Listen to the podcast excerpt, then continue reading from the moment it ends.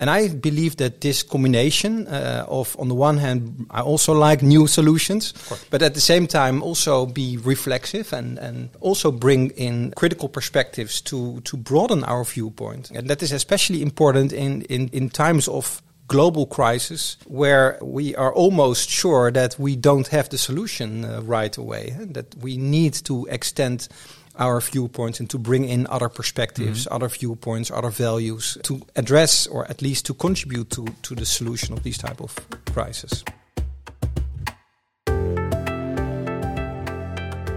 This is Out of the Box, a podcast by the Radboud Young Academy and Radboud Reflects on working in science and scholarship.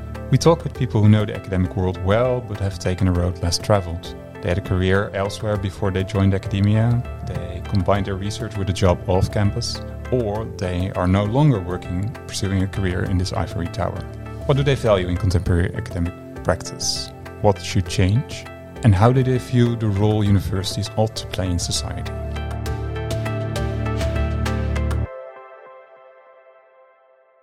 My name is Chile Tempels, and joining me today is philosopher Vincent Blok. So, Vincent, very happy to have you.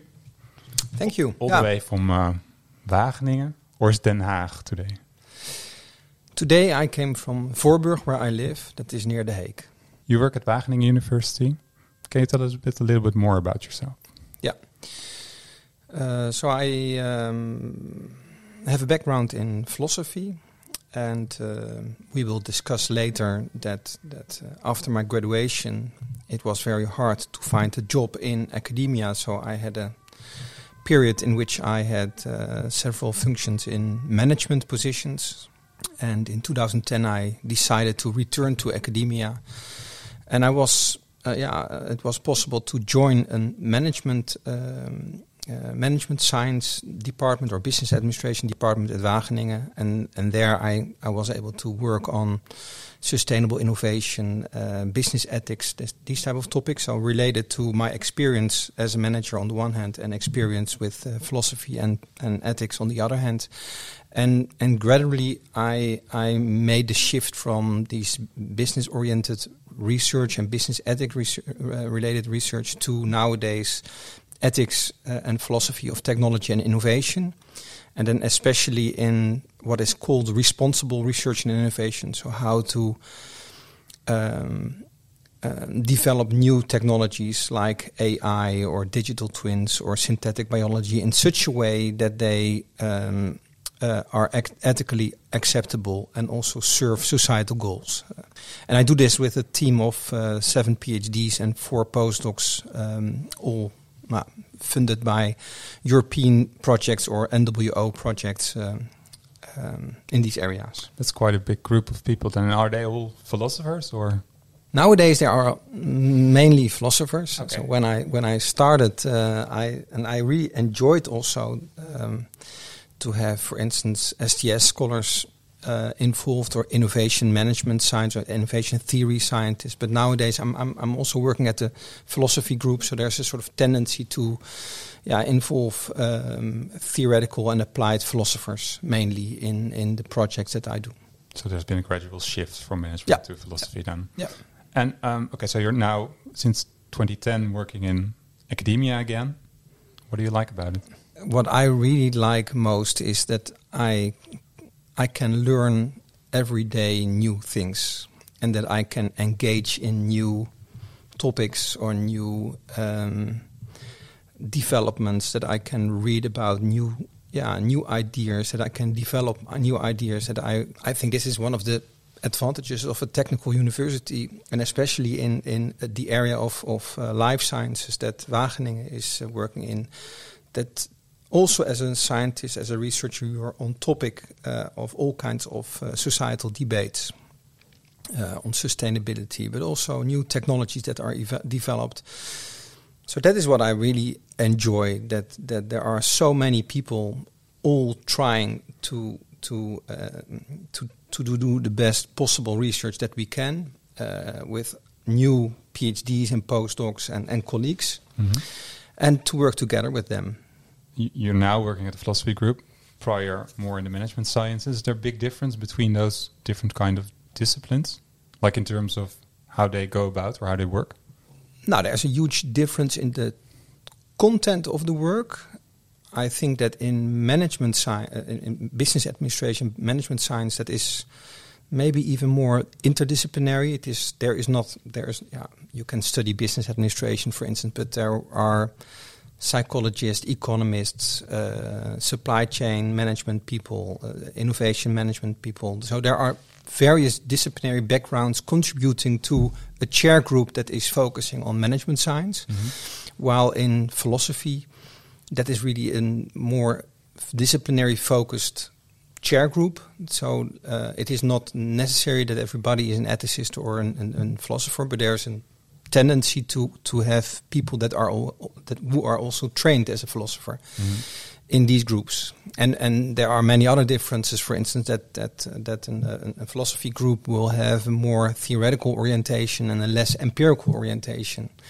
Uh, so then, and that explains all kinds of collaborations and and uh, also non-collaborations. Um, and we do a little bit less with uh, uh, business practices, while in business administration, of course, you have much more interaction with uh, with with the private sector. Right. And in, within your your now more philosophical project, are you still trying to make the link to society or to business? I mean, in responsible research and innovation. Yeah. Those yeah. two seem to go hand in hand. Yeah. So, uh, luckily enough, there was a niche in the combination of uh, responsibility related questions, so ethics of technology, ethics of innovation on the one hand, and the particular context of the private sector. And because I was able to combine these two fields of expertise, um, yeah, I had I had relatively easily found my niche, mm -hmm. so to speak.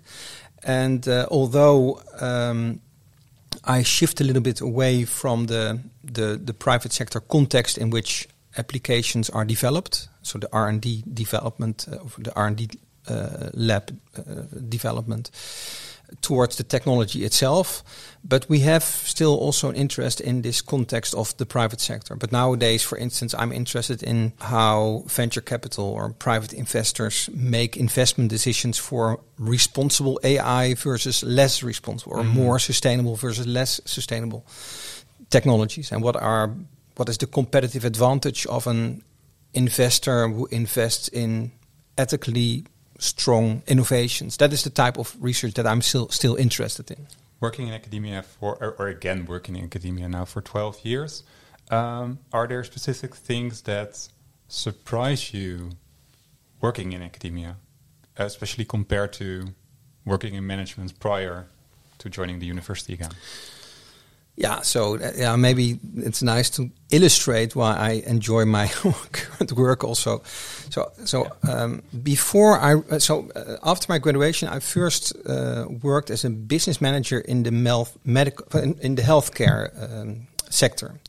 So I worked for a center for uh, autism. That means that all kinds of psychiatrists and psychologists had to diagnose and treat people with autism. And I have, of course, not a psychological background, so I was only involved there for the for the the, the business, mm-hmm. uh, the financials, and the, but that was my role. And later on, I became director of a research, private research institute, and uh, that was in working in the field of uh, sustainable and organic agriculture, food, and health. Mm-hmm uh, and also there, I, then I, I, I was uh, in a more integral way responsible for the the whole institute. But my main tasks were related to strategy, business operations, the money making machine, so to speak. Mm -hmm. And what was most striking for me when I returned to academia is that I was suddenly taken serious, so to speak. Normally, the business manager is is respected as a sort of necessary person that is there mm-hmm. and you have to take him or her serious because they have a role yeah. but content wise and at the university yeah you are more or less interested in leadership that is content related and not a position related or a formal position related so when I was a manager in the healthcare, nobody, yeah, everybody takes took me serious as a manager um, when when there was a lack of money or whether whether was a problems with performance, but not with regard to any content at all. And as soon as I returned to academia and I had my first interviews or my first conversations with policymakers or with um, with colleagues, everybody is taking you as a colleague uh, uh, with a particular discipline, with Mhm. a particular field of expertise, and and and is interested and curious to know what you think about things. So that was for me really the new thing uh, when like I really on your field of yeah expertise, you yeah, mean, yeah yeah yeah rather than you being a the, ma- the formal manager. Yeah, you are the formal boss, so we have to listen to you, so to speak. right. Yeah, yeah. And are there? I mean, I mean, as an as a manager, are there certain skills or or uh, yeah, well, I think skills that you now think, well, they really help me now when I'm pursuing my academic career, or that helped me. what I think that helps me. m- So, what is the? Now, maybe I can start with what is one of the main differences that I experience, and of course, it's just my personal perspective uh, in a, as just one of the people working at one university. So, it is. I don't want to say anything about the university or the university as a whole. But what was very uh, dominant in my previous roles that all employees had an, at least a conscious were conscious of the of the let's say the market. There is somebody who has to pay for the work that we are doing, and we have to we have to take this serious. So this responsiveness and this, uh, let's say, uh, that you are led by the demand by an, the world outside, that was very dominant. Even if you work in the um, in the healthcare sector or when you work at in at private research, there is somebody who has to pay for it, and we have to to make our products and our to bring our services in such a way that that people are happy with what we are doing. Yeah.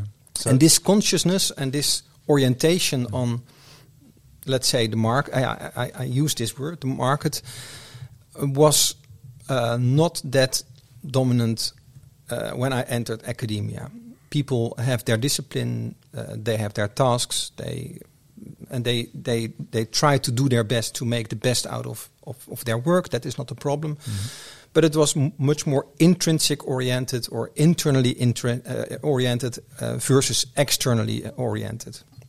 And I think that that it, I, I give this example because I believe that this is um, something that really helps me uh, also today to as a skill or as an orientation in my current work uh, because I'm I tend not only to th- I tend to think not only about the question what is my research question what am I interested but also how can I connect it with uh, with the demand side so to speak. Can you give an example of what such demand looks like?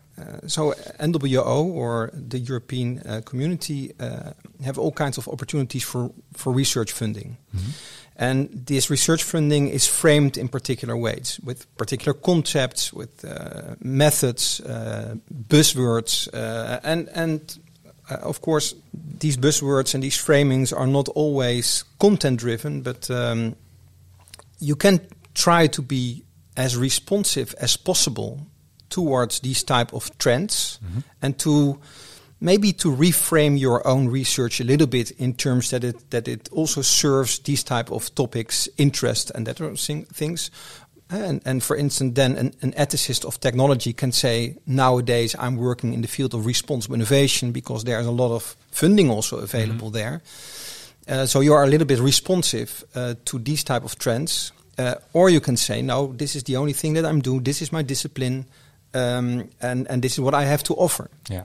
That is maybe a little bit the difference that you can uh, experience, uh, or this is a, an example, and that yeah, that that is not that holds for funding, but also with framing of your research, framing of articles. Um, who should be interested in our results? So maybe more and more of an outward looking Yeah. uh, Yeah. view Yeah. Rather than just focusing on your own. Yeah, and of course there are really many. I mean- yeah, there are many people in academia that do the same. But uh, uh, what I can say is that that uh, um, I really learned that outside of academia. I didn't encounter this orientation that much when I entered the scene here uh, in Wageningen. When I when I in my groups uh, uh, arrived, and it really helped me to be uh, also. In, I think it also uh, explains partly uh, the success that we have as an as a group. So this is an example. Yeah, yeah.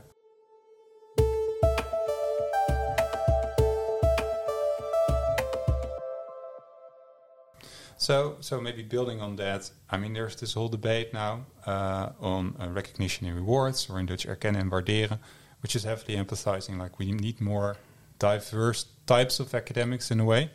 In your own experience, and you're working in a diverse team, I take it. What kind of academics do we need, in your uh, opinion? There's, I, I, cannot imagine that anybody is against uh, this this trend in academia to mm -hmm. focus not solely on on quantitative output of research credit, so to speak, and, and funding, uh, and have a broader understanding of quality. But for instance, the, the, the at this moment, the institution uh, of a university is is uh, rather individual oriented. Mm -hmm. So you have an individual career path. Of course, this this new trend will also result in changes in the institutional environment. But I think that that um, uh, the university in this regard can also learn from uh, knowledge intensive or, or professional environments in healthcare or in, in, in other industries. Mm -hmm. because they have much more a tradition to uh, evaluate the performance of teams instead of individuals, and also um, to have a more integrated uh, idea of, of how seniors and juniors have to work together and uh, have to serve uh, collective goals.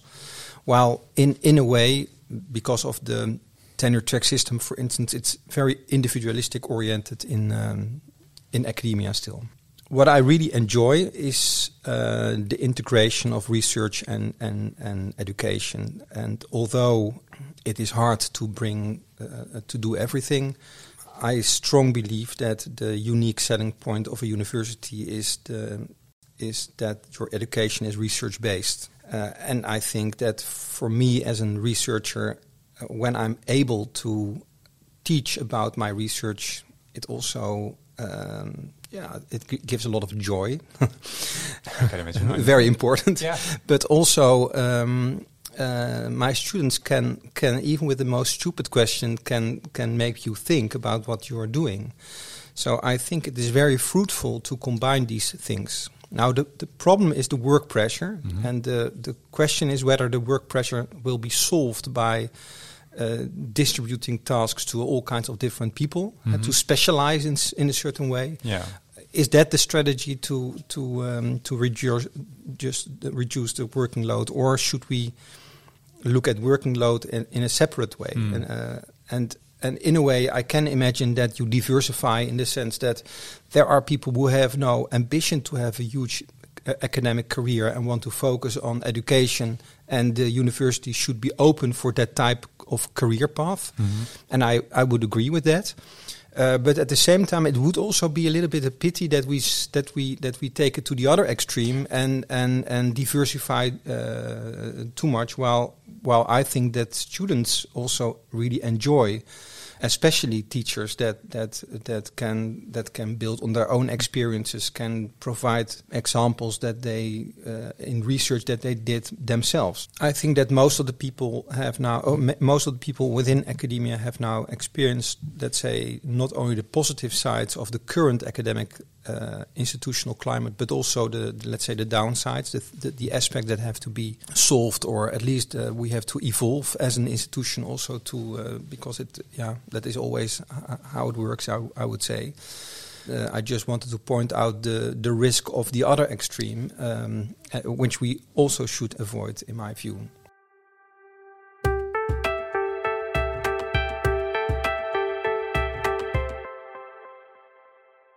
Sometimes academia is being described as like professional sports. Do you experience it that way? I believe that the let's say the the previous dominant idea about universities um, uh, with the tenure track system, for instance, the tenure track system in which I uh, I am uh, involved. I think that uh, that system was indeed focusing on top sport een sort of top topsport climate. Mm -hmm. So, so you make a, you make a career by uh, by high impact, by competition, by um, getting uh, prestigious funding, uh, publishing in, in in the top journals, and the institutional environment focused very much on this atmosphere or this performance. Mm -hmm. And some people can relatively easily live in such an environment and others cannot.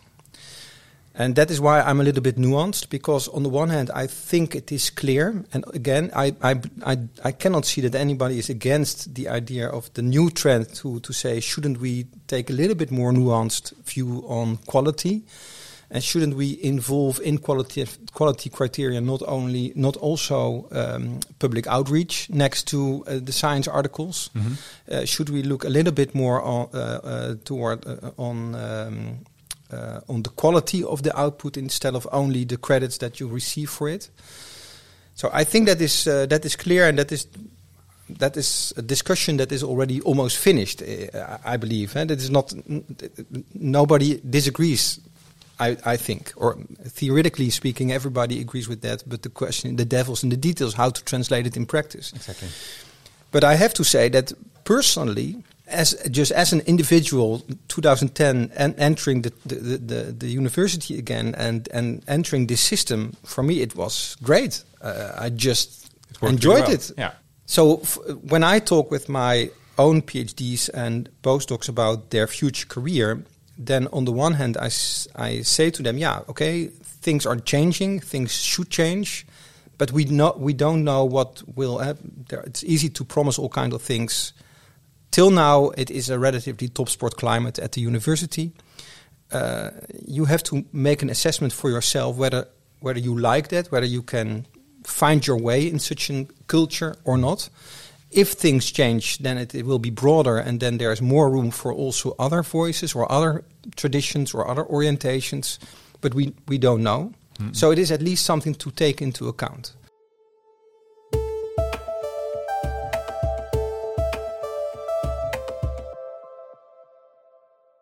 How do you view the role universities and more academia in general should play in society? We live at this moment in very interesting times to the extent that that um, uh, all all kinds of societal crises, whether it's about refugees or about corona or it's about sustainability, mm -hmm. Uh, directly involve uh, all kinds of scientific questions, not only in the sense that the sciences uh, are helpful to diagnose a particular situation, but also to find uh, solutions, find strategies how to deal with them. I think it's important uh, and I, I really enjoy also working at a university that is so dedicated to serve society mm -hmm. in, in, a way. I think that this changed also a little bit over time. So the idea of science for science for itself, or uh, the, the, Republic of Science, uh, shifted. Uh, we shifted a little bit away. At least in our university, mm it is really science for society, and I, I believe that is um, personally an, um, very motivating to uh, to be involved in that. At the same time, I believe also that our role, for instance, as as humanities uh, scholars, is not to only to focus on. Uh, there is a sort of tendency towards solutionism, I would say. Mm -hmm. Namely, we have a climate price, a crisis. Let's let's fix it. Uh, let's fix it, and let's go to the universities and especially the engineers at the in Delft or in Wageningen, and and ask them to solve the uh, to do the trick. The more critical role of uh, especially social sciences also is to to bring in the reflective uh, or the normative questions in, and um, and that is something that is also happening because you see that many of my colleagues engage in all kinds of um, societal debates with uh, science based, but try to inform uh, the public debate based on the research that we do. Mm -hmm. And I believe that this combination uh, of, on the one hand, I, I also like new solutions, but at the same time also be reflexive and, and also bring in uh, critical perspectives to, to broaden our viewpoint. Um, and that is especially important in, in, types, in, in times of global crisis where um, uh, we are almost sure that we don't have the solution uh, right away. And that we need to extend our viewpoints and to bring in other perspectives, mm -hmm. other viewpoints, other values. Um, uh, to address or at least to contribute to, to the solution of these type of crisis. It can uh, be the case that the engineers come up with a solution that is not accepted uh, mm -hmm. by society. It can also be the case that this engineer is not aware of all kinds of um, uh, a, a, power play, uh, values differences. that that we are we are we are dealing with global crisis. And um, um, if we in Wageningen uh, try to develop all kinds of new technologies, then it is also logical in a way that uh, that they, have this private sector orientation, that they have this um, uh, democratic uh, uh, uh, orientation, and that they have a Western value system as an as a starting point. While if you have to deal with uh, a variety of cultural differences, for instance, um, or when, when you have to deal with problems that are emerging in other areas in the world, then you you you shouldn't look only from your own self-evident perspective mm -hmm. to the solution of these type of issues. Uh, but you uh, might find out that that others uh, bring in um, uh, much more fruitful uh, insights as well. So let's just say, if you would have the power to change one thing in, in Dutch academia, what would it be? Yeah, there are many things that I. Uh, so one thing is a little bit. Uh, so there are many things that I'm. I, I, don't do not even have a very strong opinion uh, on. But but so so maybe the, the what I could say is is the, the, the focus on quality instead of quantity. So that means what you see nowadays already that, that, that universities don't want to grow anymore, but also in the sense that um, we have to connect with, on the one hand, we are part of, of a worldwide community of sciences, but at the same time, we are working uh, in a Dutch uh, society, and we mainly provide uh, professionals, uh, educate professionals for the Dutch society.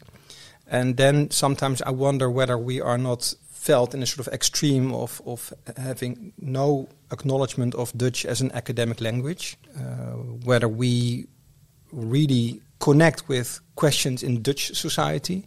And I believe that quantity versus quality can also be seen as making sure that the sciences are embedded in, in local communities. And that is sometimes something that's also a challenge for me. How do I? Uh, it is so easy to think about global challenges like uh, climate change from also from this global perspective, mm-hmm. while at the same time we have very local orientations of of demands in, in in the Dutch society, and how can we make sure that we also serve these type of um, um, objectives or or questions? So how do we bring the local in in yeah. research as yeah. well? Yeah. Thank you very much, Vincent, for this conversation. Thank you for shedding your light on uh, Dutch academia. Thank you for being here. Uh, and that wraps up this episode of Out of the Box. Thank you very much, and until next time. You listened to an episode of Out of the Box Reflections on Dutch Academia, a podcast by Radboud Reflects and the Radboud Young Academy. This episode was made by Lise Glas, Nora Stel, and Chide Tempels. Sarah Dans and Jelle de Vries were in charge of production. Editing was done by Esme Moore the music was composed by Tommy van 't Hoofd and the artwork was designed by Lina van Otterdijk. If you have questions, remarks or ideas about the future of Dutch academia, let us know by reaching out to the Radboud Young Academy via Twitter or their website. Should you want to reflect further on other scientific, societal and political affairs, then be sure to follow Radboud Reflects on social media. That's all for now. The next episode we'll be talking to physical chemist Kinga Mechula, CEO and co-founder at QueryGen. Thank you for listening, and until then.